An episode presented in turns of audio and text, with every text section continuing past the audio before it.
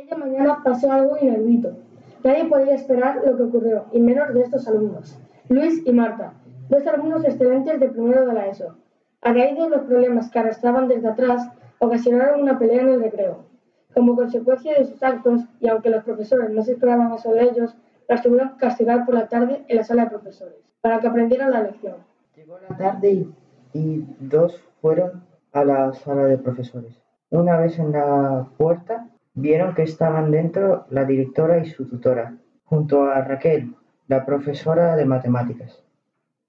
Estuvieron intentando arreglar el conflicto y aunque fue complicado y al no ponerse acuerdo con su versión, lo consiguieron. Ya no estaban enfadados, pero el único problema era seguir castigados y por mucho que se disculparan, los profesores no iban a ceder. La tarde dio un giro inesperado cuando al ver su buen comportamiento, las profesoras decidieron proponerles un trato.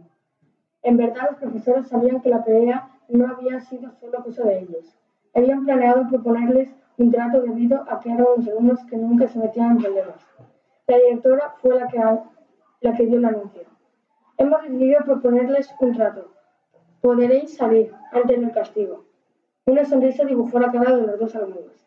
Su tutora continuó antes de que recogieran, pero como en todas las cosas hay condiciones. Así que para poder salir antes tendréis que resolver esta ecuación. 2x más 2 igual a 3x menos 5.